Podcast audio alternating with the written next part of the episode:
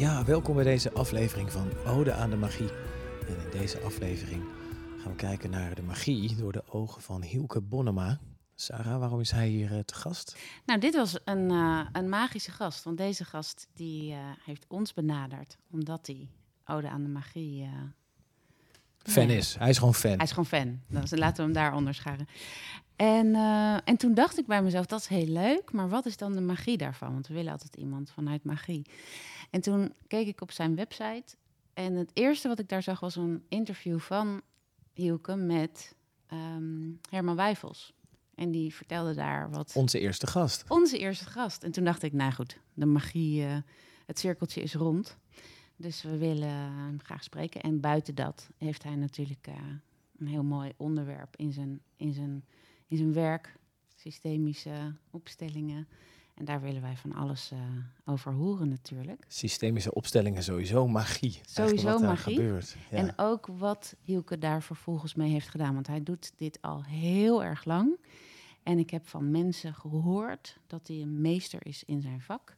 Dus dan ben ik heel erg benieuwd uh, wat wij vandaag uh, nou, aan magie gaan horen over dit prachtige onderwerp. En over jou, Hielke. Welkom. Dankjewel. Heel leuk dat je er bent. We hadden net een kort voorgesprekje en er kwamen al allerlei magische onderwerpen voorbij. Dus ik sta een beetje te stuiteren van oké, okay, waar gaan we beginnen en hoe gaan we dit insteken? Ik vind het misschien wel mooi om te beginnen waar het voor jou is begonnen. Want ik zag op jouw website uh, 25, 26 jaar ervaring staan. Ja. En uh, ik zie ook, je bent nog een hartstikke jonge vent. Ja, dus, nou, dankjewel voor het compliment. Dat vind ik wel, dat vond ik alleen al uh, bijzonder, zeg maar. Dat het, uh, want jij bent vroeg, uh, vroeg begonnen. Ja. Ja, ik, ik denk dat ik soms heb je mensen die van jongs af aan al heel eigenwijs zijn.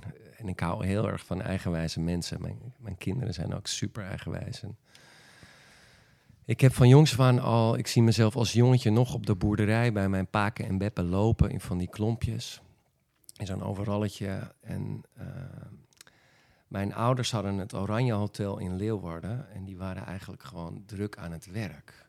Een eigen zaak. En, uh, dan ook nog een horecazaak. Dus ik werd bij Paak en Web op de boerderij geplant. En daar had ik een hond, een bijke, zoals je dat in Friesland hebt, Sambij, zo'n zwart-wit gevlekte langharig hondje. Dus het, het kan bijna niet. Het wordt een jongensboek dit. Een boek, ja. ja. precies, zoals de chameleon. En er was een grote stier, Hielke de stier. Ze hadden dan drie stieren, dat was een gemengd bedrijf. En ik weet nog dat ik als jongetje daar rondstappelde en dat ik een enorm gevoel van vrijheid, van magie had. Want de, toen had je nog overal bloemen en had je nog overal de herma. Ik had een keer een hermelijn gevonden, die was overleden. En uh, er was Casper de Kikker in het water, mocht ik niet dichtbij komen, want dan zou Casper de Kikker je grijpen. En en wie had al die namen bedacht? Casper de Kikker. Ja, dat was, was een soort oud-Fries uh, volksverhaal om te zorgen dat de kinderen niet dicht bij de sloot gingen. Ah. Zodat je dan de kinderen uh, niet te dicht bij de sloot, dan zou Casper de Kikker je pakken. Dat de kinderen niet bij de slootkant in de buurt kwamen. Nou, dat is een hele goeie. Ja. En wat, mij, wat ik nog met jullie wilde delen is dat het mij de laatste jaren, nu ik wat groter gegroeid ben, het meest geraakt heeft, is als ik dan terugkom in Friesland om dan die hele monocultuur te ervaren, zeg maar. Dus helemaal geen bloemen meer, veel minder zwaluwen, de hermelijnen zijn weg. De slootkanten zijn helemaal door ruilverkaveling, een soort al het leven is uit de slootkant weggehaald. Dus voor mij die, de magie van de natuur in de kleine dingen en de beestjes en de insecten, dat is voor mij ook, en dat komt ook uit al mijn grote archetype opstellingen terug bijzondere wat ik jullie net ook al vertelde was, het ontroert me ook dat, dat gisteren nog in een grote opstelling met moeder aarde en mijn lerares werd gewoon ook gezegd, dus dat, dat vind ik dan ook weer magisch, dat, dat, dat iemand zei, de magie is zo belangrijk. Maar, en ik vind die dus ook vooral terug bij de planten en de dieren. Maar je zegt dat die nu een beetje verdwenen is, ver verhouding tot jouw jeugd. Ja. Want ja. het was al even in die eerste zin, zei toen Ja. waren er nog bloemen. Ja, dus ik, het raakt mij en ik voel ook een soort kramp in mijn buik. Eh, want de meest kwaadaardige... Ik hou heel erg van grote maatschappelijke opstellingen doen. Mhm. En ik kom zo nog even terug naar jouw vraag, Lars. Hoe is het nou ooit zo begonnen? Maar het Ja. is, ik heb het gevoel dat het al Dat way back begonnen is. Zelfs voordat ik geboren was. Dat een soort Mm. man with a mission, zeg maar. Dat ik een soort van gekomen ben om dit... Ben je ge- gekomen met een soort blauwdruk van dat, jij dit te gevoel doen heb hebt? Ik, ja, dat leer ik, probeer ik ook de mensen in mijn jaartrainingen weer te leren. Dat gevoel heb ik, ja. Dat ik een Mhm. soort ja, man with a mission... Dus je hebt al heel snel gehoord dat je een missie hebt. Van Ik- binnenuit. Van binnenuit heb ik dat eigenlijk het gevoel dat ik dat van jongs af aan al heb, zeg maar.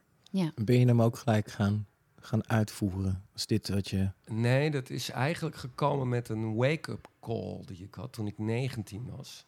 Hm. Toen was het eigenlijk nog lang leven de lol. Dus ik was wel heel erg ingeplucht geraakt in, in een soort overleving en gaan pleasen naar mijn ouders toe. Je gaat als kind op een gegeven moment toch een soort van gedragen. Mhm. We krijgen nu het familiesysteem van Hilke. Ja, Dat is wel leuk. precies. En, toen En, was wa- ik en wat ging je pleasen dan in je ouders? Nou, ik, ik zie als ik dan ook babyfoto's terugkijk, zie ik aan de eerste kant, dan is de eerste zes maanden zie ik tot mijn grote schrik een enorm bevroren baby liggen. Helemaal een soort van jaren zeventig, soort van helemaal geschokt.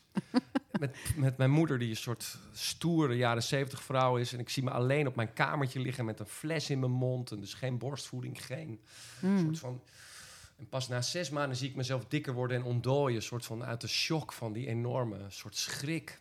Dus je, jouw, jouw landing op aarde was wel eh, Ja. een shock. Ja, ja, ja, ja, ja. Een hele beroemde astroloog waar ik twintig jaar geleden al een keer was... en tien jaar geleden een keer was, Jan Bartelsman... die zei ook, je hebt een incarnatieweigering, zei Jan tegen mij. Laatst moesten we nog geld inzamelen. Omdat Ik noem het altijd dienstweigeraars. Ja, dienstweigeraar, een soort van uit mijn dak. Ik noem het ook altijd... eh, tegen mijn kinderen zeg ik van, jullie mogen best uit je dak. Ik heb nu pubers, hè. Als jullie straks uit je dak willen, dan gaan we met papa een beetje uit. Dan gaan we niet uit ons dak, maar dan gaan we in ons dak. ja. En dat willen zij natuurlijk niet. Maar Nou, kinderen moeten eerst uit hun dak, nee, dat is waar. toch? Om de, vervolgens. Als ze heel jong zijn, zeker.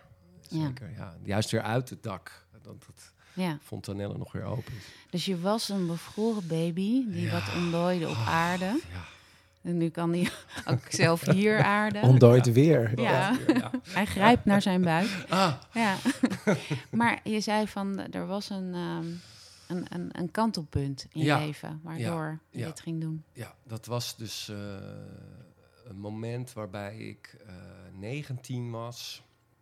En ik eh, een auto-ongeluk heb veroorzaakt. Ik stopte niet voor een stopbord. Ik reed in mijn golfje. Ik zat nog op het gymnasium in Hilversum. En ik zou weer naar vrienden toe in Loosdrecht. En ik, ik, we wonen toen een nieuw terrein, een plekje langs het Amsterdam-Rijnkanaal tussen Amsterdam en Utrecht.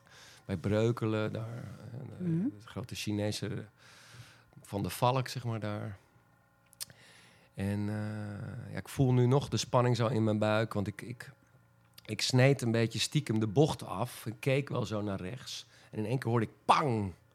En toen zag ik zo'n auto heel snel en die belandde bij wijze spreken bijna meteen in het midden van het Amsterdam-Rijnkanaal.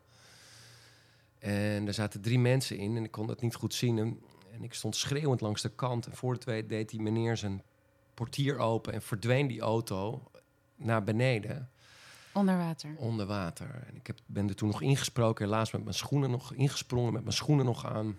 En toen zat die meneer, mijn zoon, mijn zoon. En toen was ook de pontwachter erin gesprongen. En toen probeerden we te duiken, maar mocht helaas niet baten. Dus een kwartier later zie ik de brandweer, die jongen van 12, die eh, helaas op dat moment al hersendood was Zo.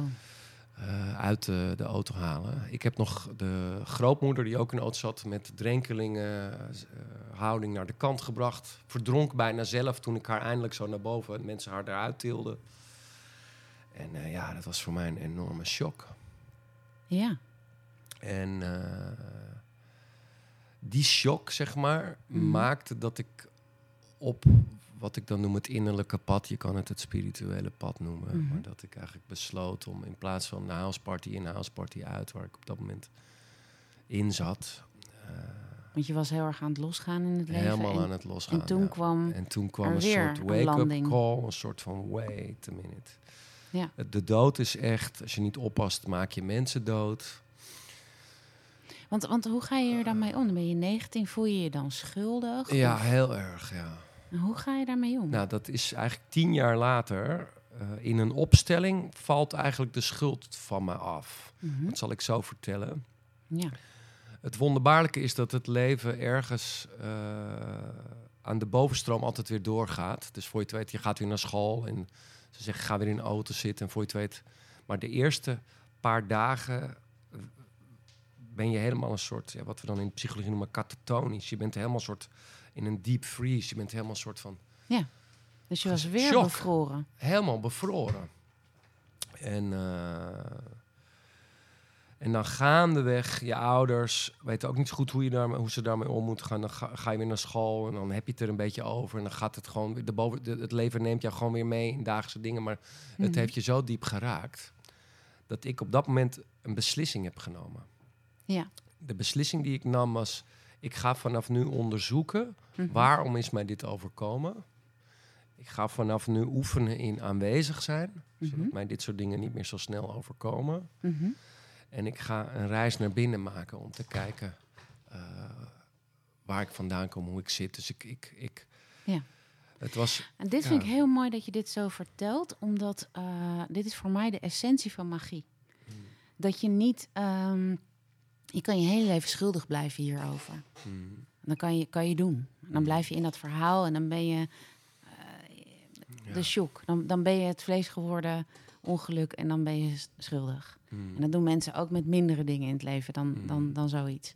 Maar de, de magie zit hem erin dat als er dingen gebeuren die ook echt heel pijnlijk zijn en, en, en, en, en verdrietig, hoe ga je er dan mee om dat je niet de vraag stelt: waarom gebeurt mij dit? Maar wat levert dit mij op? Wat kan ik hier nu mee? Want het, het, het is al gebeurd. Want waarom zou je dan nog een heel leven schuldig blijven? ja, Dus je, jij bent dat gaan doen. ja, En dan ben je, ben je alsnog best wel jong om te voelen van oké, ik ga eens even kijken wat ik hiermee kan. ja. Nou, het- dat is wel een hele reis geweest. Ik ben in therapie, ik, ik ben in... Het eerste was dat ik in die tijd hadden we nog spirituele boekwinkeltjes. Dat ik een spirituele boekwinkeltje binnenstapte. Die hadden we toen nog op de Warmoestraat hier Ja. of in Hilversum. En dat ik gewoon in die boekwinkel ging zoeken naar whatever. Hulp. Hulp. en ik, ik was eigenlijk van mezelf helpen door gewoon een ecstasypil te slikken... en dan even mijn hart te voelen op de dansvloer. Dat was eigenlijk mijn therapie tot op dat moment. Maar je ging ook niet naar een psycholoog. Eh, dat kwam pas later. Oké. Met behulp van mijn ouders eh, ben ik in Amerika gaan studeren, in Californië. En eh, ja, daar ben ik wel begonnen met therapieachtige dingen. Met yoga, met meditatie. En echt innerlijk, echt gaan zoeken, zeg maar. Maar grappig, want je noemt het therapiedingen en alles wat ik je daarover hoor zeggen is niet de gangbare weg. Dus Nee. een spirituele winkel of yoga of Ja, bioenergetica therapie en ben ik gaan doen. En ik ben healing gaan volgen. En ik ben ook wel later nog gewoon... eh, maar het allemaal meer aan de spirituele kant. ja. Want dat kwam ook omdat ik door de ecstasypilletjes en de paddenstoelen Mhm. In de club, dan kwam ik vroeger uit de club en dan was ik nog zo high. Dan zag ik overal aura's om bomen. En in die tijd had je ook de Celestijnse belofte, had je. Dus ik was wel ook heel erg gevoelig en dat jongetje dat op de boerderij speelde. Dus ik had wel al zoiets van die magie van de natuur en de Mhm. aura's van de natuur en het, de betekenis van bomen en de betekenis van dieren. Dat trok mij wel heel erg aan. Ja. Inclusief het houden van dansen, zeg maar. En dat kwam wel uit die feestperiode, want daar heb je die Ja, ik ben heel gezien. dankbaar voor die feestperiode. Ik kan ook iedereen aanraden dat een keer in zijn leven te doen. Mhm. Daar vervolgens niet aan vast te blijven plakken. Maar Dat gebeurt wel eens. dat gebeurt wel eens. Dat is een soort afgeleidende schaal. Ja. voor je het weet, dat je, dan denk je dat het aan de middelen ligt, dat wat je ervaart. Maar de middelen openen slechts een aspect van je bewustzijn, Ja. wat al in je zit. Mhm. Het is een, een korte, het is een soort korte, quick, korte shortcut eigenlijk daar naartoe. En dan daarna is het weer weg. ja. Dan denk je dat je dan meer van die middelen moet nemen. Dat werkt natuurlijk nooit. Nee. Dus het zit eigenlijk al van nature in je. Nou, het is hetzelfde eigenlijk wat je vertelt over deze ervaring. Eh, dit is dan een hele heftige ervaring, zo'n ongeluk. Ja. Maar ecstasy is een hele leuke ervaring, of kan Ja. leuk zijn. ja. Maar het is ook niet... eh, het kan een toevluchtsoord worden. Van, nou, ik moet weer naar die ervaring, moet weer naar die ervaring. En ook dat gebruik jij om iets te openen in je leven. Dus Ja. niet daarin te blijven vastplakken. Ja. Maar wat dit, welke opening biedt dit? Ja. Dus daar doe je het weer, Ja. Fijn Ja. dat je dat ziet, dankjewel. alsjeblieft. wat bedoel je daarmee, dat je dat fijn vindt, dat ik dat zie? Nou, dan, eh, dan eh, herken dan eh, voel ik me gezien door jou. Dus dat, Hm. dat is heel fijn. Ja. Ja. mooie kwaliteit van jou. Dankjewel. Dat is mijn werk. Ja. Op welk moment kwam dan het, het opstellen zelf in jou? Oh ja, dat is een Maakte heel mooi. je dat ergens eh, mee? Of- Dat is een heel mooi bruggetje. Dat, dat, eh, want eh, ik heb dus, eh, dat ongeluk was in 1991. Ehm, vervolgens kwam het opstellingwerk in 1999, zeg maar. Tweede, kwam het in mijn leven. Eh, en eh, ik weet nog dat ik al mijn allereerste opstelling... en toen had ik al tien jaar, was ik ook al in therapie... en had ik al dingen gedaan. Had ik al, had ik al in, een, in Duitsland in een lichaamsgerichte psychotherapiegroep gezeten. En toen had ik ook al brieven geschreven met die moeder... die haar zoon verloren had in dat ongeluk. Ja. En inmiddels had ik ook een rechtszaak gehad. En eh, daar was ik eigenlijk heel mild van afgekomen. Want wat bleek nou? Die man, eh, die vader, maar dat is natuurlijk heel verdrietig... die had ook veel en veel te hard gereden. Mm. Want anders kom je natuurlijk nooit meer in het Amsterdam-Rijnkanaal terecht. Nee. Maar, ehm, maar de, voor mij was dus de, dat ongeluk ook wel wat rond aan het worden. Maar ik bleef worstelen met dat schuldgevoel, zeg maar. Ja. Met een heel diep gevoel van schuld. Waardoor ik in mijn leven, ik had toen een Noors vriendinnetje. Ik had al wel in Leiden psychologie gestudeerd. En ik, ik was, net als alle psychologen, denk ik, was gewoon echt op zoek nog naar mezelf. Mhm. En het, het- ik kwam eigenlijk ook niet zoveel verder soms. En toen kwam ik bij mijn allereerste opstelling. En die opsteller liet mij niet zo lang uitpraten. En toen vertelde ik dat ik met mijn werk nog niet zo goed uit de verf kwam. Ik woonde in de Oosterparkstraat hier in Amsterdam, in Antikraak. En ik dacht, ga ik nou in Nederland of in Noorwegen? Want ik wilde ergens nog vluchten. Dat heb je soms met travelers. Ik zat nog een beetje in die soort voor 30 traveling soort weg willen in Noorwegen, in de bergen, in een berghutje wonen. En weg. Dus nu kon je niet meer in de, in de middelen vluchten, maar nu wilde je... Gewoon in de Weg. bergen. En ik wilde gewoon weg, zeg maar. Eigenlijk. Mhm. Weet je waar je van weg wilde? Was dat, dat... Ja, dat, dat, dat is eigenlijk die enorme eh, laag van trauma's eigenlijk. En verdrietigheid en innerlijke kindgevoelens. En al die bevriezingen en trauma. Eigenlijk wilde ik weg van mezelf, van mijn gevoel. Ik Mhm. wilde niet voelen. Ja. En, eh, nog steeds af en toe niet hoor. Nee? Ja, Hoe, hoe, hoe, kom je die dan tegen? ja dat, eh, in de liefde bijvoorbeeld. Ehm, want eh, als Friese jongen geleerd om kwetsbaar te zijn, is ook zoiets, snap je? Mhm. Dus kwetsbaar en zacht. En, en, ja, dat is allemaal ingewikkeld. Het lukt steeds beter, maar Ja. Het lijkt En- wel een beetje alsof Friesland het Friese gebruikt om, om dat dicht te gooien of zo. Zeker. Nee, zeker. In Dus- Friesland dan, dan ja, bevries je als Ja. baby Ja. en dan later weer. ja, nee, zeker. zeker. Dus mijn, Ja. En dan, dan ook nog heel erg dat externaliseren, dat zelfs eh, Radio Friesland aanstaat, zeg maar, op de wc. Als je dan naar de wc gaat, dat je dan de deur van de wc open doet. En, dan, en dat Radio 1 ook de hele dag. Alsof je niet bestaat als je niet het nieuws volgt. Of voortdurend soort aanstaat in de buitenwereld. Zeg maar. Mm, Dus die, die hele binnenwereld, die krijgt geen plek. nee. En wat er nou gebeurde in die opstelling, dat is dat die opsteller. Ik voelde me dus niet lekker. eh, mijn werk en mijn gezondheid en mijn in de liefde gedoe met mijn Noors vriendinnetje, die ik in de bergen daar had ontmoet natuurlijk. En ehm, dus ik stel, hij vraagt zo: Oké, stel nou op je depressie en je, je werk en je dingen. En voordat ik het weet, gingen we het over mijn vader hebben. Hmm. Want ik dacht, we moeten dat ongeluk in dat jongetje opstellen. Ja. Dus dat jongetje lag daar op de grond. Die had je wel opgesteld. Ja, dus Mhm. ik had al die dingen, want ik dacht, het gaat over dingen hier en nu. Waar ik last van heb, heeft te maken met dingen in het nu. Maar wat bleek nou? Dat ik eigenlijk dat schuldgevoel en die depressie had ik eigenlijk overgenomen van mijn vader. Mhm. Want we Die was er al.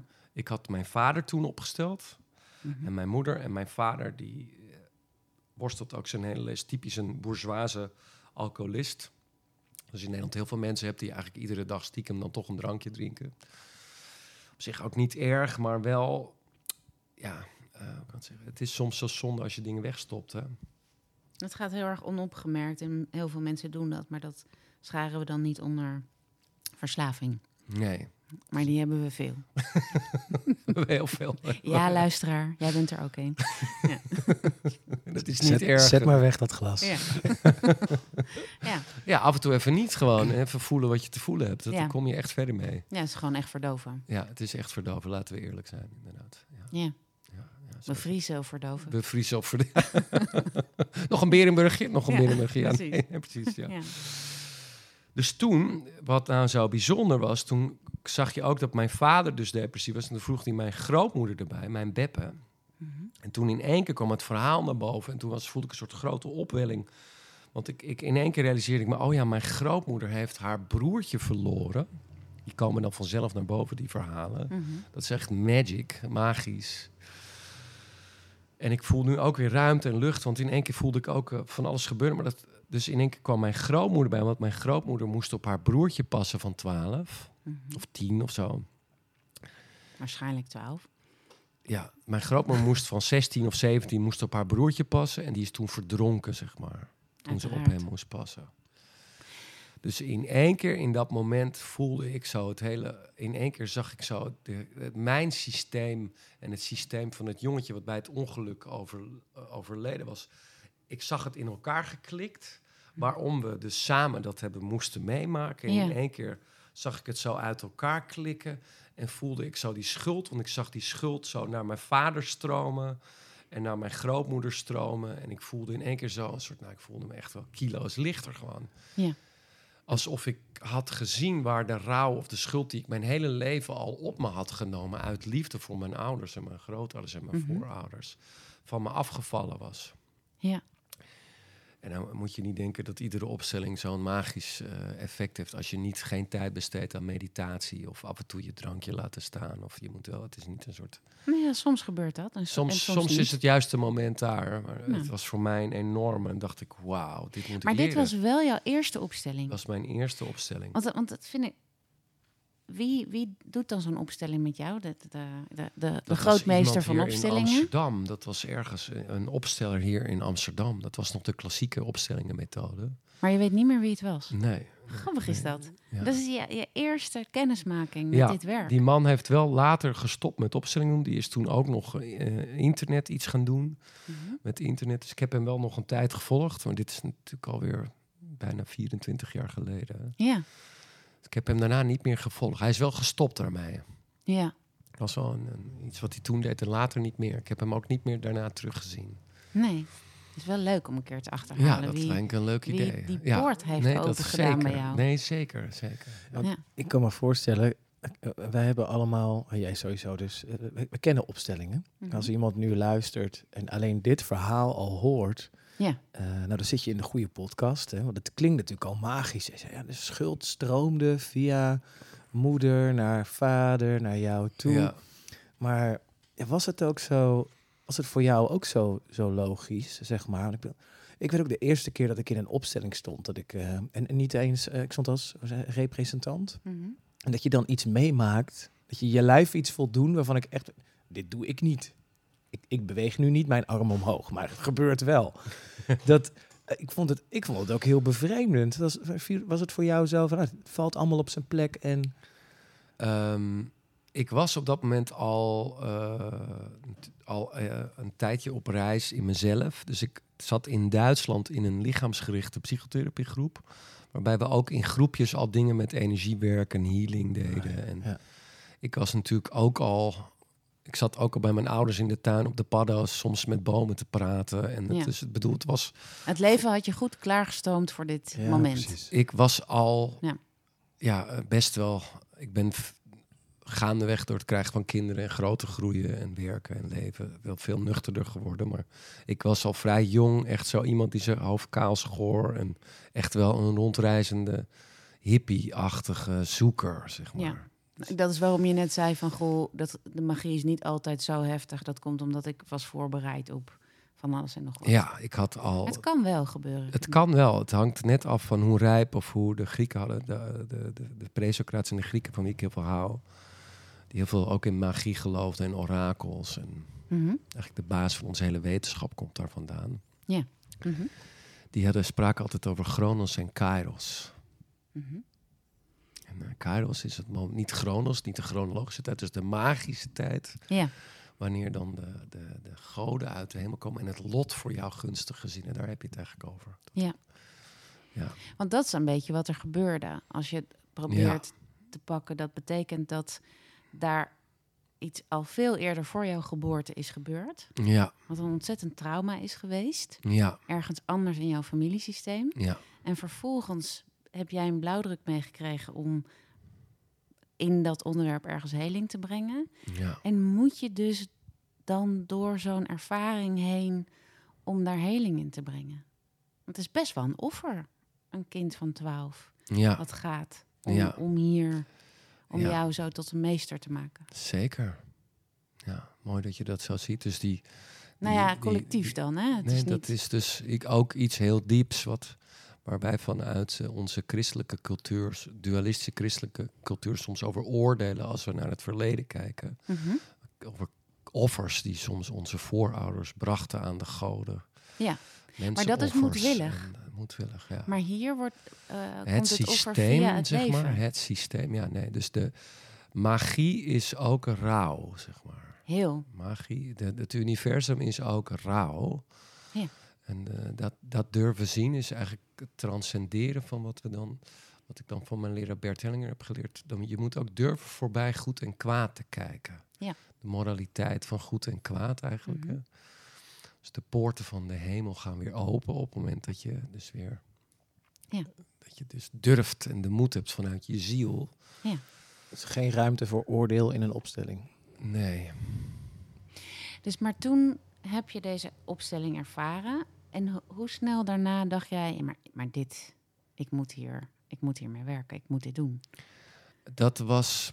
eh, dus ik zat in die lichaamsgericht. Dat was eigenlijk toen ik Bert Hellinger ontmoette, zeg maar. Mhm.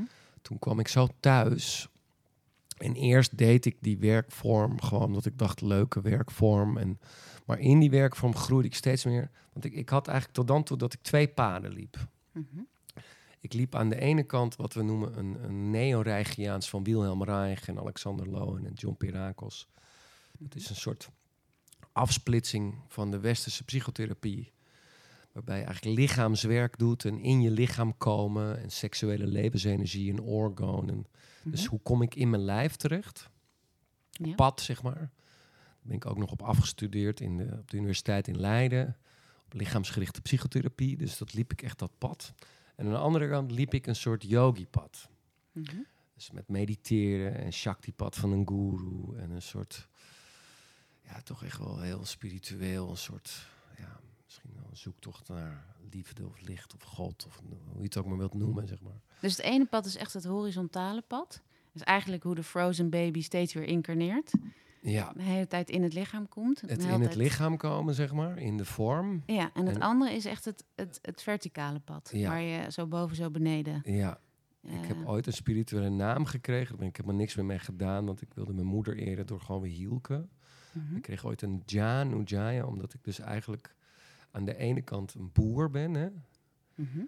Dus dat is een Janu incarna, dat is een. Dus dat ik Het hier ben, horizontale. het horizontaal. Aan de andere kant ben ik eigenlijk een Shevite, wat we dan in India. Dus dat is eigenlijk de monnik, de Mhm. hoge priester, die hier is om eigenlijk vanuit een soort absolute eh, het vormloze kon brengen. Dat wordt als ik ouder word, wordt dat ook meer.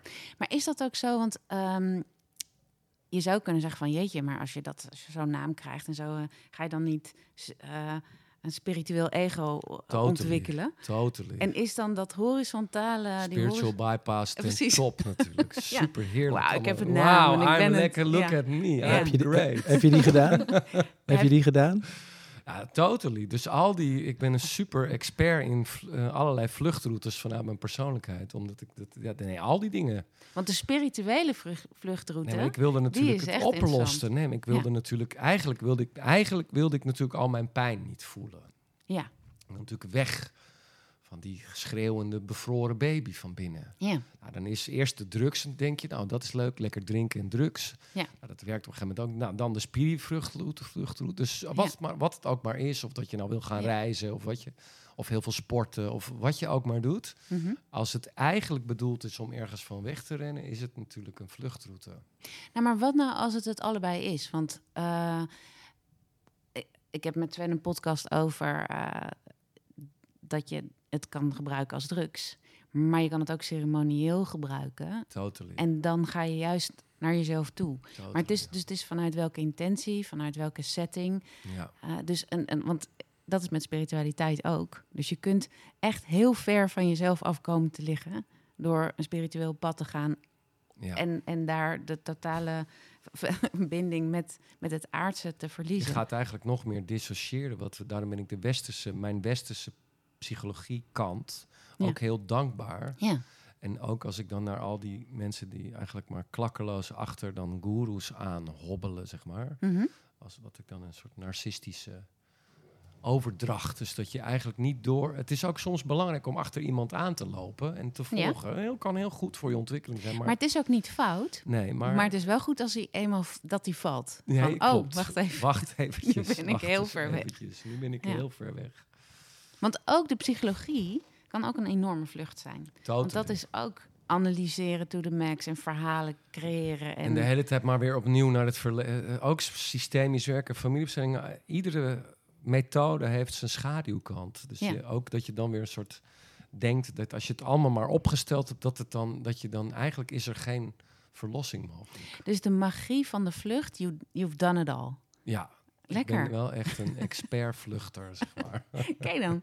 Maar, maar en, en, en elke keer moet het dan zo heftig, zo, eh, om je weer terug op aarde te brengen. Dus eh, Eh, geboren worden het is wordt best minder. heftig. Het, dus hoe meer ik op die innerlijke reis wel dingen aanga, want ik ben al van jongs af Mhm. aan ook heel veel dingen wel echt aan het aangaan, hoe minder heftig het moet. Ja, Dus want, de- want geboren worden is, vind ik, heftig voor elk kind en Ja. voor elk mens. Ja, Maar zo'n ongeluk hoeft niet iedereen. ja, Jij moest echt, eh, wow. maar ik ben een enorme fan van de natuurlijke geboortebeweging. Ik denk Mhm. dat we echt, eh, onze samenleving zou echt, dat komt ook uit al die opstellingen, enorm gebaat zijn als alle vrouwen op kosten van de overheid Mhm. eh, tijd zouden krijgen om met hun baby's en dat, gewoon, dat, dat, dat, dat beginfase van het leven, als we daar echt ruimte voor zouden nemen. Meer Ja. aandacht en liefde en ja. voeding en ver- zelfvertrouwen en het gevoel van basis en je plek. Nou ja, zelfs al daarvoor.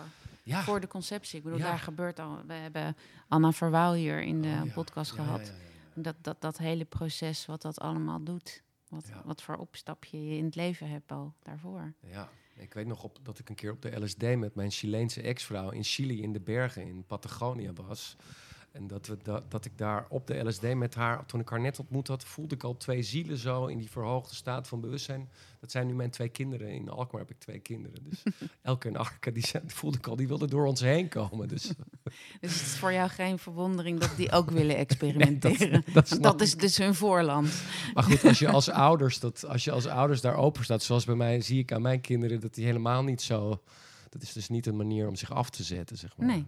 nee, dat hebben ze van jou meegekregen. nee. nee, Dat is oké. Nee. hey, maar en toen? Dus je ontmoette Bert Hellinger. Ja, En toen voelde jij... Maar wacht even, maar dit werk wil ik niet alleen ondergaan. Maar hier, hier moet ik iets ja, hier, daar vond ik zo'n bijzondere ontmoeting tussen eigenlijk de, de, de, ja, de psychologie en de psychotherapie en het, en het spirituele, wat daarin thuis mocht komen. Dat die twee velden samenkwamen. En dat is eigenlijk tot op heden toe nog altijd zo. En daar heb ik ook een aantal hele belangrijke, fundamentele principes in ontdekt de afgelopen 25 jaar. Wacht even, je moet nog iets herhalen. Want ik, mijn gedachten ging alle kanten op. Wat kwam daar samen? Het spirituele Daar en? kwam het spirituele en het zeg maar therapeutische onderzoeken, het in jezelf, je, Ja. in je lichaam komen, je trauma's aangaan. En, Ja. en de hele. Is dit de manier voor jou om dus... Sorry hoor dat ik je het onderbreek. Nee, nee, nee. Maar de manier voor jou om eh, die, dat spirituele ego te gronden? Is- dat waar die twee samenkwamen? eh, ja, dat dus die. Wat, ge- wat in mijn beginjaren was ik heel erg ontkoppeld. Ja. Dus was ik, had ik wel al heel erg soort innerlijke weten, zweefde ik eigenlijk. Mhm. En juist door dat lichaamswerk, maar vooral ook door de opstelling, heb ik wortels gekregen. Ja, precies. maar. Dus dat, dat zorgt ervoor dat je Die trauma's. de volgende geboorte in jou... Ja, ontdooien. die, ja dus die, die twee werelden samen, zeg maar. Dus het systemische werk, inclusief dus beoefening. In mijn school eh eh, chanten we en dansen we ook. Dus we integreren ecstatic dance Mhm. en mindfulness practices met systemisch werk. Oké. Dat doe je nu Ja. in jouw school. Ja. Ja. Ja, ja, omdat we dan zien dat het krachtiger werkt om die oude dingen. Ja. ja, want je hebt heel veel toegevoegd aan systemisch werk. Ja, in onder inspiratie ook echt van Bert. Dus ik ben van ongeveer 2000 tot 2010, denk ik, 2012, ieder jaar bij hem geweest. Mhm. Om Als echt- leerling. ja, maar meer als devotee zou ik zeggen. Was hij dan jouw guru? Ja, ik denk, ik heb verschillende goeroes gehad in mijn leven. Ik vind het mooi, ik vind het toch een mooi woord. Of leraar of gidsen. Of, eh, Mhm. en, eh, zeker is hij mijn grote Keltische guru, zeg maar. Mijn, Een grote Keltische guru. ja, mijn grotere broer noem ik hem altijd. is veel in de taal die ik bij je hoor, maar ook letterlijk dus in je verhaal. Eh, dat is heel breed over de wereld verspreid. Eh, van Californië naar Duitsland, naar Chili, Ja, naar Friesland. ja. Ehm, dat vind ik ook interessant. Eh, alsof je. eh het kan nog van het vluchten zijn, maar het klinkt ook alsof je. Ja, veel dingen van uithoeken, soort van ergens in een soort middenpunt wil brengen. Of zo. ja. Maar Keltisch is heel dichtbij in, in Friesland wel doorgedrongen. Dus Ja, ik kan me voorstellen dat je je wel herkende dan in, in Hellinger. Dat die, ja. ik ben heel benieuwd wat die...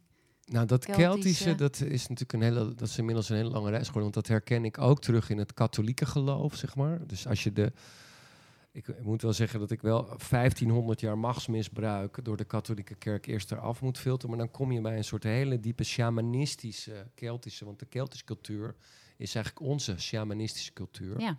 En als je het hebt over het beleven van magie, is eigenlijk, dat is eigenlijk waar wij nog een natuurvolk waren, als heel, eigenlijk in heel Europa. Mhm.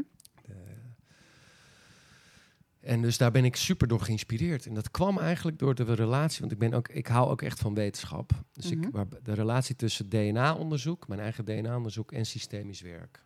Ja, Dat bracht mij eigenlijk in contact met die Keltische cultuur. want dat heb je ook in je eigen DNA-onderzoek Ja, gevonden. ik bleek gewoon, dus ik zat de hele tijd af te vragen, hoe kan het nou dat deze dingen in mij zo naar boven komen? En ik had dat door heel veel familiebestellingen geleerd, dat je als een soort, je psyche, je gebruikt misschien maar, weet ik veel, 7% van jouw DNA. En je, je, je, eh, je, je epigenetische centrum, dat bepaalt eigenlijk welk DNA actief wordt. Mhm. Door opstellingen creëer je een soort omgeving die op het juiste moment weer, mijn, mijn grote inspiratie Carl Jung zou zeggen, bepaalde archetypes weer activeert. Mhm. Een soort wijsheid die van binnen al in jou zit. En in jou zit en in jullie zit. Die, die, als je dan een, een, een, de juiste omgeving creëert, komt die magie die al in jou verborgen zit zo naar boven. Die maak je wakker. die maakt je wakker, zeg maar. En ik, ik zie ook dat bij alle mensen die ik al gedurende de afgelopen jaar, vooral de, gedurende langere tijd met me meelopen, wat meer een soort shamanistische training eigenlijk is, of een heksentraining of een soort, ja, en, eh, zoals vroeger bij de Kelten ook een druïde-training. Het is meer dat. Mhm. Dus ik leer ook niet mensen dingen zoals ik dat zie. Ik zie meer dat ik als een soort reisleider een omgeving creëer Mhm. waarbinnen zij eigen innerlijke reizen maakt naar hun eigen voorouders, waarbij dan die, die verborgen krachtbronnen, archetypes in hun eigen psyche, Ja. als een soort intuïtieve talenten weer ontwaken. Ja.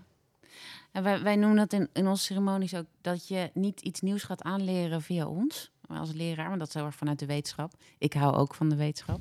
maar eh, dat vanuit dat shamanistische stuk, dat het heel erg gaat over herinneren. Ja, En dat die, die, die delen in jezelf waar jij het over hebt, vind ik heel mooi benoemd. Ehm, dat je die activeert en herinnert. ja, Ehm, want daar liggen heel veel verborgen kwaliteiten in jezelf. En ja, misschien wel mindere kanten.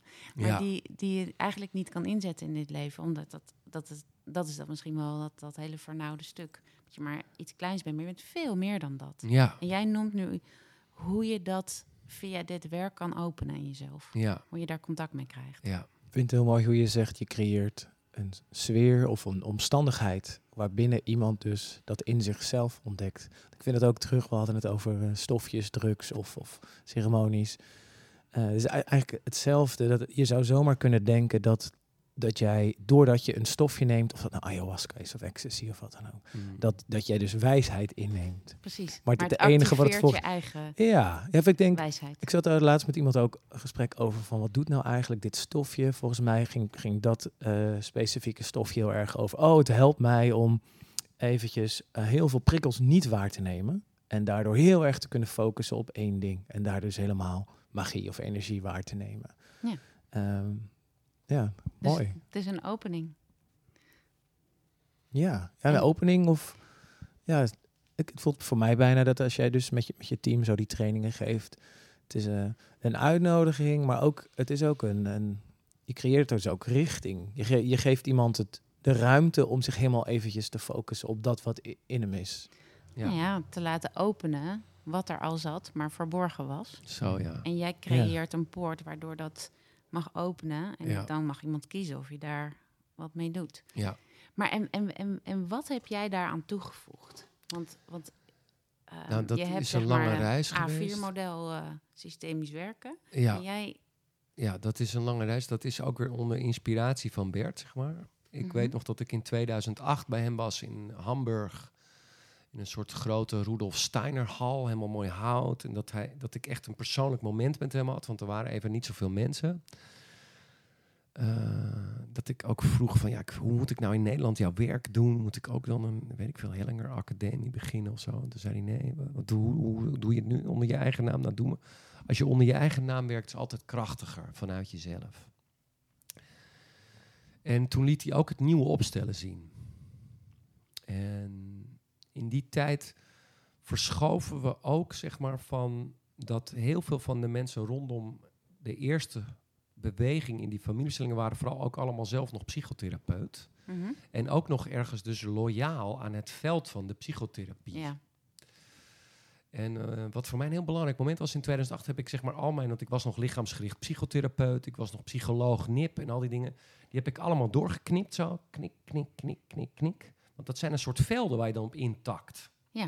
Nou ja, wat jij net benoemde, loyaal aan dat veld. Loyaal Net zoals kinderen veld. loyaal zijn aan hun ouders. Ja, Die is- dat zit heel diep. precies. Dus, dus hoe, hoe heb jij dat maar ook dat je als kind nog loyaal bent. Als jij ja, bijvoorbeeld ouders hebt die bij Philips gewerkt hebben. Hoe Ja. jij als kind nog loyaal bent aan het veld van Philips. Precies, dat stukje. Want daar heb jij inkomen uit ontvangen. Ja. Terwijl Philips natuurlijk ook, al die bedrijven hebben in de oorlog ook een scheve schaats gereden. Zeg maar. Ja. Proberen dat na de dus oorlog krijg je die hele erfenis mee. Dan krijg je die hele erfenis, komt zo als een soort loyaliteit zit in jouw systeem. Ja, Werkt gewoon heel lang door. Maar want, goed, maar, maar, maar jij knipte dus al die dingen door. bent psycholoog. ja, van ik was van oorsprong ben ik klinisch psycholoog, lichaamsgericht psychotherapeut. En je hebt dat doorgeknipt Ja, ik om heb verder te kunnen bewegen. Ja, en toen heb ik gezegd, ik ga vanaf nu 100% loyaal zijn aan de wetten van het systemische werkveld. Aan de, aan de, de, aan de wetten en principes van familieopstellingen. En dan van het nieuwe opstellen. En dan het nieuwe opstellen is alleen maar een aantal dingen hebben we daarin veranderd. Want wat bleek nou? Bert bleek, dat noem ik dan kinderziekte, bleek in de begintijd van de opstellingen Mhm. zich toch nog te veel... Want hij was een keer heel ziek. Was ik met hem in Londen. Er is een boek over geschreven, De Kunst van het Helpen. Een heel mooi boek. Was ik met hem in Londen op een workshop twee dagen. En toen zei hij, ik ben net twee weken heel erg ziek geweest. Want ik realiseerde me dat ik stiekem toch nog... Het raakt me, want eh, het- ik doe dat ook nog soms, maar... Ik heb toch nog stiekem te veel het lot van mijn cliënten op me genomen Mhm. en wil ze nog beter maken. Ja. En eh, dus ja, dan is de kleine wil van een, van een persoon die probeert nog te interveneren ja, in het systeem. Ja. En, en dat is niet helen. nee. Dat is niet een Nee. volledig ja in alles. Ja, maar je, je, als je dus dit helemaal... Dus dat heb ik vanaf 2008 tot nu. Dit is misschien wel de essentie van... Dus dan op een gegeven moment ga je denken... Oh my god, heel hulpverlenings Nederland... ja. eh, is helemaal eh, van het padje geraakt. Ja. Want al die hulpverleners, jeugdzorgmedewerkers, psychologen... Iedereen is ingekocht in het soort... Ik moet iemand redden. Fixen. Fixen. Jij bent een patiënt en Ja. ik moet het oplossen voor jou. In Ja. plaats van laat iedereen even lekker aan hun. Dat klinkt een beetje bot, maar laat ze aan hun eigen lot over. Want ze zijn Ja. krachtige zielen. De magie. Ontneem niet de magie van hun. Door hun nog weer vol met pillen te stoppen en veel allemaal niet. Want de ziekte is de heling. ja, betekent niet dat Correct. je niet naar een dokter moet gaan als je wat Ja. hebt. Maar in ieder geval te realiseren dat het soms even pijnlijk moet zijn voordat er. eh, en dat het oké is. En dat het de bedoeling is. Ja. Maar dat is best wel pittig. Als Ja, ik heb nog nooit in een opstelling een kwaadaardige kanker gezien. Dus in alle opstellingen over kanker, ik heb een tijdje met Henk Fransen samengewerkt, Mhm. 2018, 2019, 2017, zoiets. En dan heb ik heel veel opstellingen gedaan over mensen met kanker. En al de representanten, dus volgens de medici is het dan een kwaadaardige kanker die tot de dood leidt. In de opstellingen, in de familieopstellingen reageren nooit die representanten als een soort kwaadaardige duivels. Dat heb ik dus nog nooit een kanker zien doen. Nee. Het zijn altijd steunbronnen voor de ziel. Ja, dus de intentie van de ziekte is nooit kwaadaardig. De intentie, met name van zoiets als kanker, is dus nee. Wat wel kwaadaardig is, ik heb bijvoorbeeld ook een keer pesticiden opgesteld. Mhm. Nou, dat is wel het meest kwaadaardige wat ik ooit in een op, in grote maatschappelijke opstelling heb gezien. Er zijn wel pesticiden. Heb je nog de farmaceutische industrie, ook, eh, ook lekker. Hè? Dus, Ja. eh, pesticiden, farmaceutische industrie, Mhm. eh, lobbyisten, Brussel en al dat soort dingen. Dat is echt niet vrolijk. Nee. Echt niet. Hippocrates die erbij stond. dat was heel grappig. Een soort Jabba de Hut van de Star Wars. Een soort, die, de dokters allemaal een soort aan de leiband van de farmaceutische industrie. En daar stond Hippocrates bij. Zo van, ja maar hallo. Ik ben meer een sjamaan. En eh, ik maak mensen beter met echt gezond eten. En helemaal niet met eh, deze route. Wat doen Ja. jullie nou? Maar dan zou je ook kunnen kijken naar of het de intentie klopt dan niet. Dus de intentie, wat ik jou nu hoor zeggen, is de intentie van een kankergezwel is daar misschien om iemand wakker te maken van goh, Ja, je, je werkt te hard of je bent. ja. Dus de intentie van een kanker is niet kwaadaardig of niet demonisch, Nee. maar eh, waar mensen iets hebben gemaakt om de natuur te vernietigen, dat is wel kwaadaardig. Ja, Maar het is misschien niet eens vanuit die intentie gemaakt. nee. Maar we, we, we maken wel de aarde kapot. Ja. En, maar dat zit in de mens. Ja, maar dat is dus als één centrale lijn eigenlijk uit al die maatschappelijke opstellingen de hele tijd terugkomt. Of ik nou corona opstel of de oorlog in de Oekraïne of wat dan Mhm. ook. Dan is het de hele tijd dat eigenlijk alle menselijke ethische wetten of dingen die we in, in, in ons mensenleven doen, moeten allemaal eigenlijk aligned zijn met de moeder natuur, zeg maar. Ja. Met de wetten van de natuur en de planten en de dieren en de balans en de harmonie. En de, dat Ja. we realiseerden dat we echt niet, dat we, dat, ja, de, zoals de shamanistische Ja. levensvisie. Dus de, dat was ook waarom ik je graag wilde spreken. Ja. Nou, en we hadden het even in het gesprekje hiervoor over dat jij een strijder kan zijn Ja. voor bepaalde onderwerpen en ook Ja. in de politiek. En, want eh, we, we hebben eigenlijk afgesproken van, nou, het hoeft niet, want je hoeft niet te strijden. Ja, Maar het kan dus ook heel erg vanuit de andere kant, vanuit eh, het liefdesstuk voor de aarde. Want ik begrijp uit wat je zegt dat je gisteren een opstelling hebt gedaan voor de aarde. ja. Nou, het was meer een grote archetype opstelling. Die bij het begin van mijn jaartraining doen we, laten we een soort zien waarom we doen we dit nou allemaal. Mhm. En dat we uiteindelijk, als je op deze innerlijke reis begint, begin je eigenlijk omdat je gewoon shit hebt. En eh, in je relatie gedoe hebt. Of de seks niet lekker gaat. Of je in je werk eh, burn-out hebt. Dan begin je voor jezelf, maar gaandeweg. Dus er is iets wat, wat, wat, wat, wat jeukt of vervelend begin is en daarom begin kom je je. eigenlijk voor jezelf. Maar al gaandeweg het proces, word je in dienst genomen door iets groters. En ga je eigenlijk op reis voor het geheel.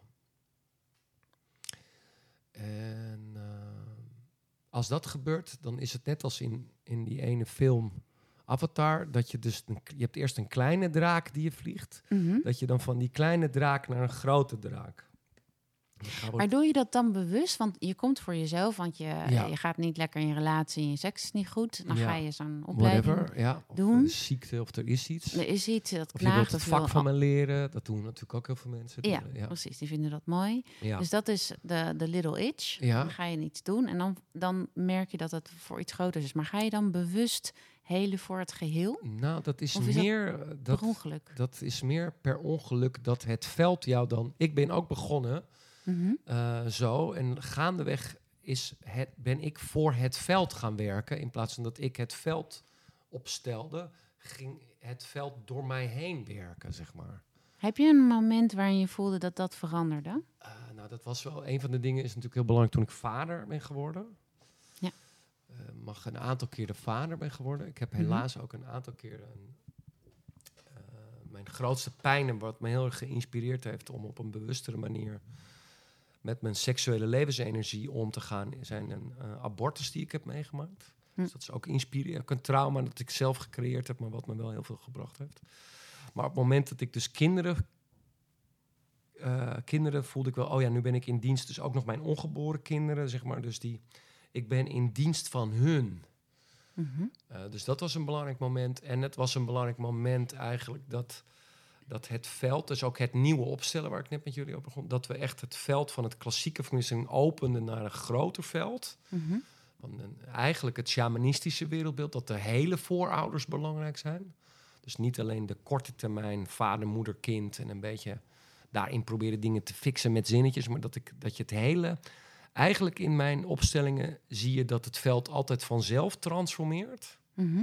Op het moment dat je het verleden zo laat zoals het is. Dat is Mhm. een g- belangrijk principe van wat we het nieuwe familieopstellingen noemen. Ja, dat je niet een interventie doet om dat je niet beter te maken. vervalt in de valkuil dat het innerlijke kind als coach van jou, Mhm. als opsteller of het innerlijke coach, dat je stiekem nog je cliënt wilt fixen omdat jij moeite hebt om jouw innerlijke pijn, Mhm. de- het verleden is geweest.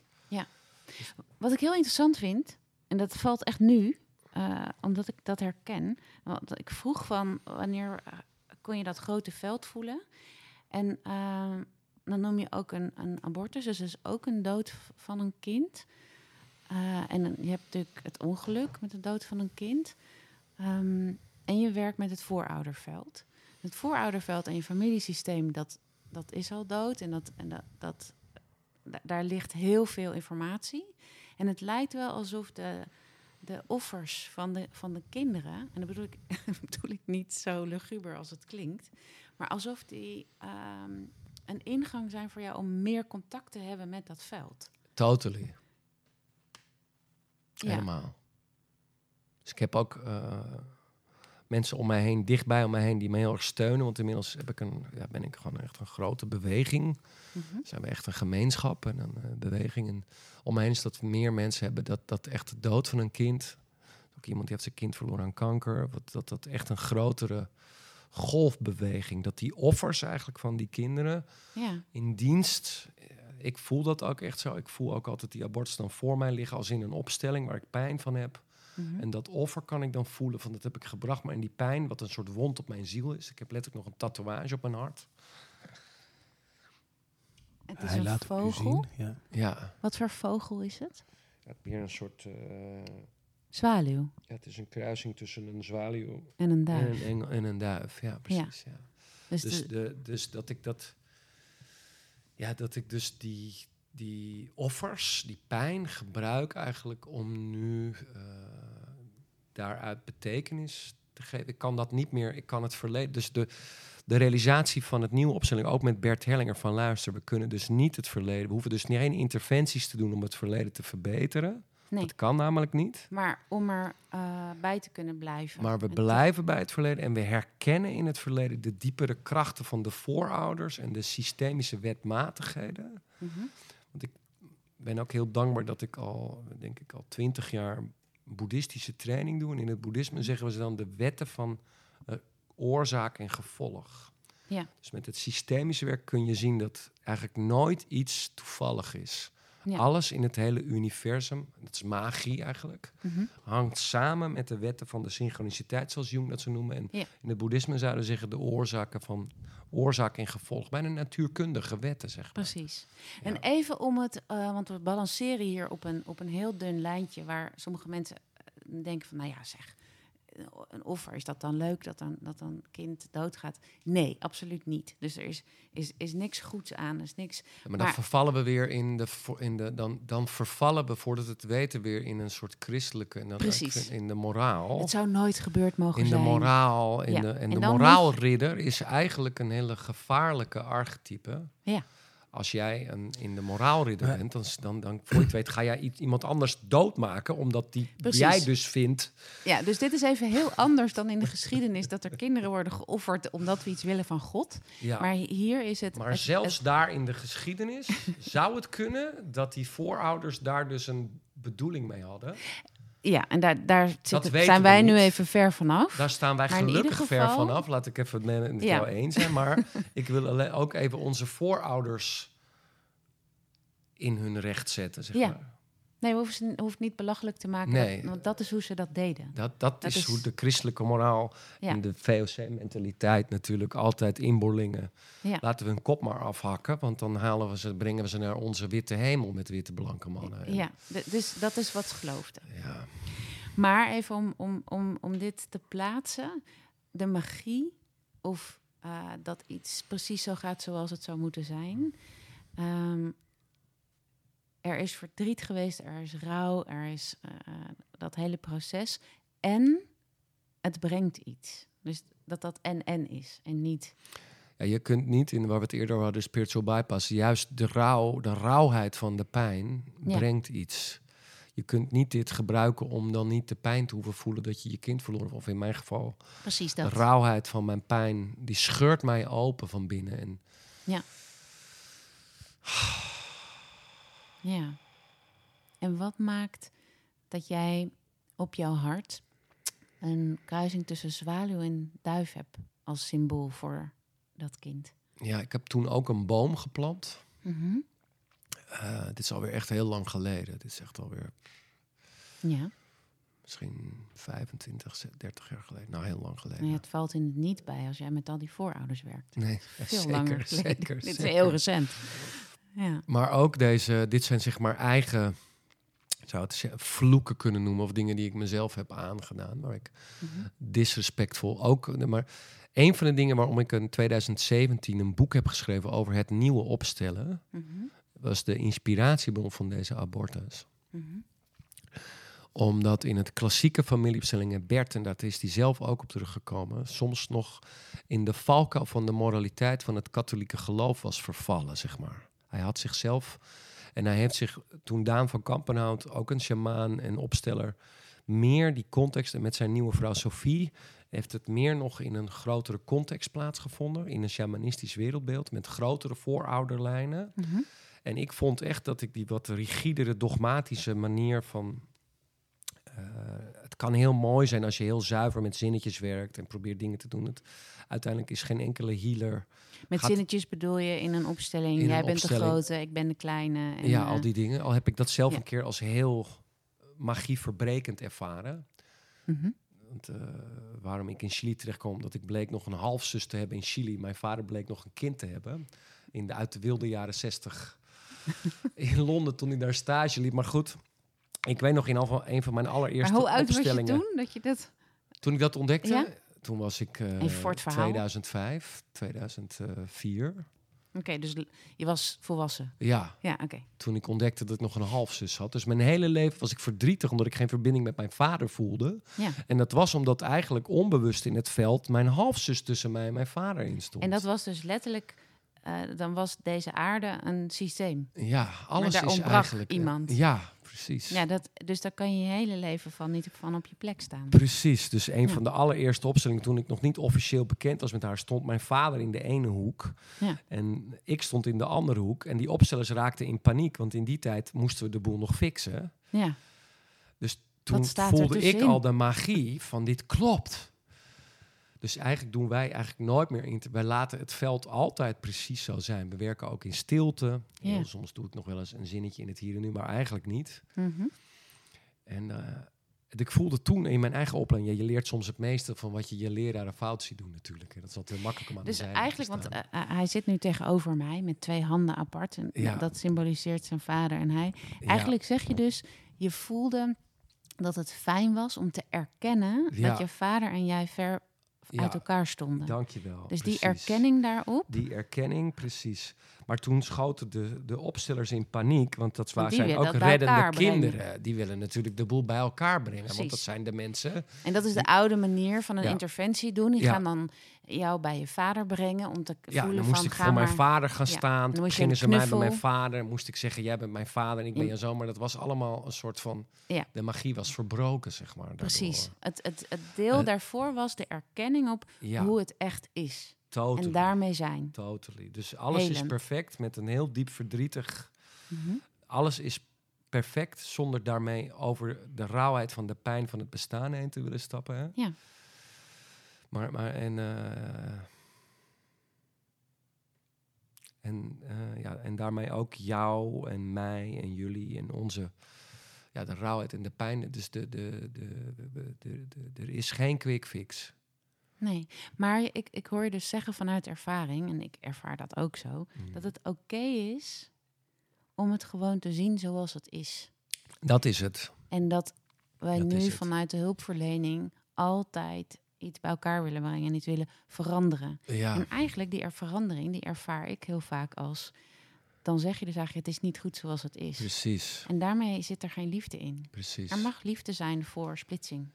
Dat is het dus. De, de, en eh, ja, heel veel hulpverleners of coaches of therapeuten hebben juist, zijn juist die geparentificeerde, vroeg geschrokken, bevroren kindjes. Ja, Die dan dat vak kiezen omdat ze ergens de boel willen ontvriezen. Maar Ja. gaan dan eigenlijk externaliseren in plaats van dat ze eigenlijk eerst een innerlijke reis moeten maken. maar wat jij dus eigenlijk vertelt is... Hè, eh, als we jou als voorbeeld nemen, het bevroren babytje... ja, dat als je erkenning krijgt op wat er is... ja, dan eh, hoef je niet te hard te werken om op te warmen, maar dan ont- ontdooi je vanzelf, omdat je dan dus voelt.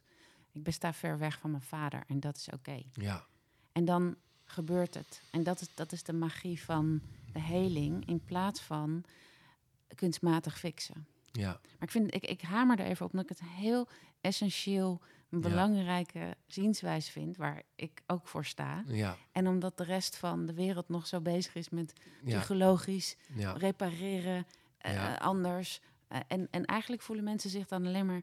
oh, ik ben niet goed zoals ik ben. ja.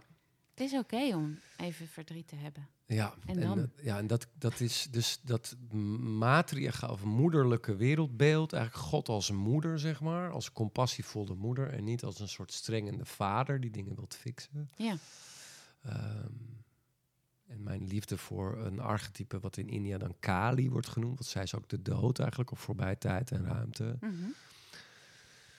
Ehm, dat, eh, dat, eh, dus voor mij ging de magie ook wel echt aan in mijn leven toen ik door, door mijn guru Ma Jaya ooit een klap op mijn kop kreeg en ik haar in Kali zag veranderen, zeg maar. wat, Als wat zie je dan? van Is 23. iemand nou. in Kali veranderd? Toen zag ik haar, toen had ik eerst Shaktipat gekregen en toen zag ik haar daarna de dag in haar kussen zitten. Toen veranderde ze in een soort grote, grijze, donkere soort ja, Medusa, zeg maar. Een soort van Medusa, die soort van... Die zoog zo alle angst en pijn en, en, en, en, en donkerte in de groep op. Omdat in haarzelf, zeg maar, te trans... Dus ze zoog zo zoog die donkerde op naar haar hart toe. Dus je, als een soort tonglen, in het Tibetaans noemen we dat tonglen practice. Dus je zuigt eigenlijk de donkere energie in je op, in je hart. Mhm. En je transformeert die donkere energie in liefde, kracht en wijsheid... en stuurt die zo weer de wereld terug in, zeg maar. Dus je gebruikt Mhm. donkerte, trauma of de dood... als een soort, Als energie. als energie, zeg maar. Dat is, Ja. eh, ja. En je ademt het weer uit als Ja, energie. Als Alleen, licht en liefde. Dus ik zag dat haar doen. En dat, dat is mij zo, heeft mij zo diep geraakt. wat raakte jou dan? Ik voelde dat ik dat ook, dat ik dat, dat ja, dat, eh, dat, eh, dat ik dat ook, ik ben dat ook. Snap je? Het was een soort symbool, het was een soort richting voor mij. Van wauw, dat heb ik te doen. Maar ben jij dan duif zwaluw? Want dat staat op jouw hart. Hè? Duif zwaluw staat op jouw hart. Ja. Als je het hebt over die energie, die ging via haar hart naar binnen. En Als ik zou kunnen, zou ik eigenlijk het duifje of de zwaluw wel weer in mijn hart willen laten eh, eh, zitten. En Mhm. ik had er ooit gedacht nog om er een soort oomteken omheen te laten tatoeëren. Dan het, of dat het duifje de zwaluw naar mijn hart vliegt en in het licht van het hart oplost. Want duif en zwaluw is heel mooi, hè? Want, want zwaluw gaat over wendbaarheid. Ja, En over, eh, eh, dat, die kunnen al heel snel heel wendbaar zijn. Ook de jongen. ja, En, en, en heel speels. ja, Dus het is het, ik, ik herken dat speels wel in jou en hoe je, Ja. hoe je, hoe je doet. ja. En de duif gaat over veiligheid vanuit de moederenergie. Veiligheid in huis, bij jezelf. Dat is wel echt heel mooi. Wat vind je er mooi aan? Dat raakt me in mijn hart en ik herken eigenlijk de soort guitige, glinsterende ogen. eh, zowel van mijn, eh, van mijn leraar Bert als van mijn leraar Majaya, als ook van mijn eigen vader en moeder. als ik hun in de ogen aankijk, ondanks alle dingen en wereldbeeldverschillen. En dan kan ik die twinkeling, vind ik mooi om die twinkeling zo in mijn hart te voelen, zeg maar. Dat, eh, is wel mooi. Zijn we dan weer terug vlak, vlak naast de sloot? Ja, Bij, eh, bij de kikker. ja. Casper de Kikker. Terug in die verwondering. Ja, Waarvan, waarvan ik me ergens veel eerder in het gesprek nog afvroeg of eh, die Casper de Kikker, is dat nou echt een, een Fries ding? Of kwam dit eh, vanuit opa en oma? Van, jij moet maar niet dicht bij de sloot. ik weet niet, dat is Ja. gewoon een trucje die, ze in, die mijn opa en oma en paken en beppen en mijn vader en moeder, iedereen altijd daar gebruikte van... eh, Ja, maar omdat je er later achter kwam dat... eh, ja. Ik ben heel dat blij broertje. dat Lars dit erin brengt. Want ik, ik wil natuurlijk heel graag dat die kikker duiden. Ja, nee, ja, graag. Want dat is het eerste wat je benoemde. Hè? Dus je Ja. was jong en je zat in de natuur. En Ja, daarin was de magie helder. En eh, je kijkt Ja. ook nog wel eens terug op... oh, eh, is de magie er nog wel? Gaat de natuur er niet aan? ja. En kikker is natuurlijk een, een symbool voor transformatie. ja. Het is een grote sprong voorwaarts, maar het is ook kikkerlikken. Dus ook een referentie aan, ja, aan, de aan drugs. natuurlijk. Drugs. De, de DMT. Precies. Ja. En, ehm, en dat je ouders, dus de geconditioneerde delen in jouzelf, de, Ja. de vader en moeder moeten dat doen, in het Friesland, die, die, da- daar is een verhaal ge- gecreëerd, Ja, ehm, zodat jij niet in het water terechtkomt. Water is het element van het gevoel. onderbewustzijn. Om jou eigenlijk, dus de, de transformatieteken is daar. En dan zeg pas maar op voor Casper de Kikker. wa- Want dan eh, is het goed mis. Ja, Ehm, maar eigenlijk is dat een, sym- staat het symbool voor dat jij niet bij je gevoel mag komen. Dat je bevroren Oh. mag blijven. jeetje. Want dat is echt het water ingaan. En op het moment dat er dus in jouw familiesysteem al eerder... Dat droomde ik gisteravond nog over. Ja, dus daar is al een drenkeling. Daar is, en daar gaat dus een jongetje dood. Mm, En vervolgens in jouw leven gaat er een jongetje dood. mm, En dat is een transformatie in jou. Dat is ook die kikker. Dat is Mm. weer die sloot. ja, Dus jij transformeert ook via die, die symboliek. En ehm, die angst zat ook al in jouw vooroudersysteem, zoals je dat hebt Mm. benoemd. En zonder dat te weten, hebben ze daar een heel archetypisch verhaal aan geplakt. Om te zorgen dat jij niet bij, die, bij dat gevoel kon komen. ja, Dat je daar niet in bent gegaan. ja. Maar dat ben je wel gaan doen en daarmee heb je je leven getransformeerd. Op Mm. meerdere momenten. Mm. Dat is mooi. Ja, ik ben heel mooi. Ik ben er door geraakt, want dan, eh, ik hou heel erg van droomyoga, eh droomyoga beoefening of bewustzijn in mijn droom en archetypische beelden. Dus ik vind het raakt me heel, dat vind ik heel mooi. Dankjewel voor een mooi cadeautje. Ja. Alsjeblieft. in dat verhaal zat ook nog Hielke de stier, Sarah. Ja, Er waren drie stieren en eentje was Hielke de stier. Wat zeg- ja. Ben ik daar vernoemd? Kun je daar Hielke dan betekent iets mee? strijder namelijk in het oude Germaans. maar stier ook. Oh ja. Ja. Ehm, nou, dat is, wat hebben we ook benoemd in dit gesprek al. Hè? Dat je zei van ja, ik ben ook een strijder en ik heb ook ja. bepaalde ideeën in het leven. En toen hadden we het al even over het verschil tussen het patriarchale en, en ook de vrouwelijke manier. Ja. En eh, je hebt eigenlijk in dat, in dat stukje al verteld dat die Kali-energie, ehm, dat dat gaat via liefde. Dus Ja. via het hart. Ja. Versus via het vechten. Ja. En eh jij zei al in dit gesprek van, zal ik, zal, ik, zal ik vechten? Zal ik het laten zien? Of blijf ik bij de magie? En ik denk dat de magie in jouw leven eh, de symboliek is van jouw hart. En als jij daarbij blijft en dat speelse en, en de humor die ik heb ervaren in dit gesprek... Ja, dit is superleuk. En ik denk dat dat ook effectiever is in je werk. Mm. Om, om vanuit eh, die vrouwelijke energie te komen. eh, en niet eh, weer de naam die je gekregen hebt van je ouders. Weer de, het geconditioneerde. Dus Hilke moet strijden. Je bent een stier. Doorbreek de boel. Mijn opa was natuurlijk een stormvogel, Hitlerjugend, op het punt om ook naar het oostfront gestuurd te worden. Ja, maar jij moest wakker gekust worden door de kikker. Zeker. Jij bent de gewone prinses. En dan zie ik dat het Friesland, die Ule, dat zie ik dat Ulebord, wat voor mij ook een oude Keltische symboliek is, van Mhm. de twee zwanen. Ja, Eigenlijk voor mij als de symboliek van mannelijk en vrouwelijk. Of ik zie dat ook bij ons in de katholieke kerk, zie ik de twee herten staan, zeg maar, en de levensboom. Mhm. Dus ik zie al die oude oersymboliek altijd in de kerk terug bij ons. ja, maar dat zit overal in. Ja, Dus het, dus, en, maar het is aan jou de keus. Ga je voor de strijder en ga je voor de geconditioneerde kant daarin? Of ga je je mee laten voeren door de stroom? Want ook de zwaan, ook een, een mooie watervogel, Ja, uh, dus weert water in, ja. is ofwel uh, geconditioneerd en zwanen blijven voor het leven bij elkaar. En uh, dat is dat archetype daarvan. Of het is Saraswati. De Ja. godin van met de stroom mee laten voeren. En ba- zij komt met zwaan. Kunst en schoonheid en muziek. En ja, mooi. Ja, zij is de godin van, van de kunst. ja. Mooi.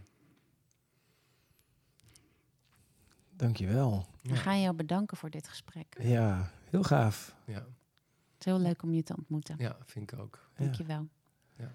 En jij bedankt voor het luisteren. En ben je op zoek naar meer magie? Nou, eh, ga eens even op zoek eh, naar misschien wel de magie van opstellingen. Kijk even op de website van, eh, van Hielke en, eh, en zijn team. En helpen ons met de magie verspreiden. Deel deze podcast eens met iemand van wie jij denkt dat hij dat kan gebruiken. Eh, abonneer je, je, je weet wat je moet doen om ons te helpen. Het kost allemaal niks en dan maken we de magie in de wereld nog groter. Tot de volgende.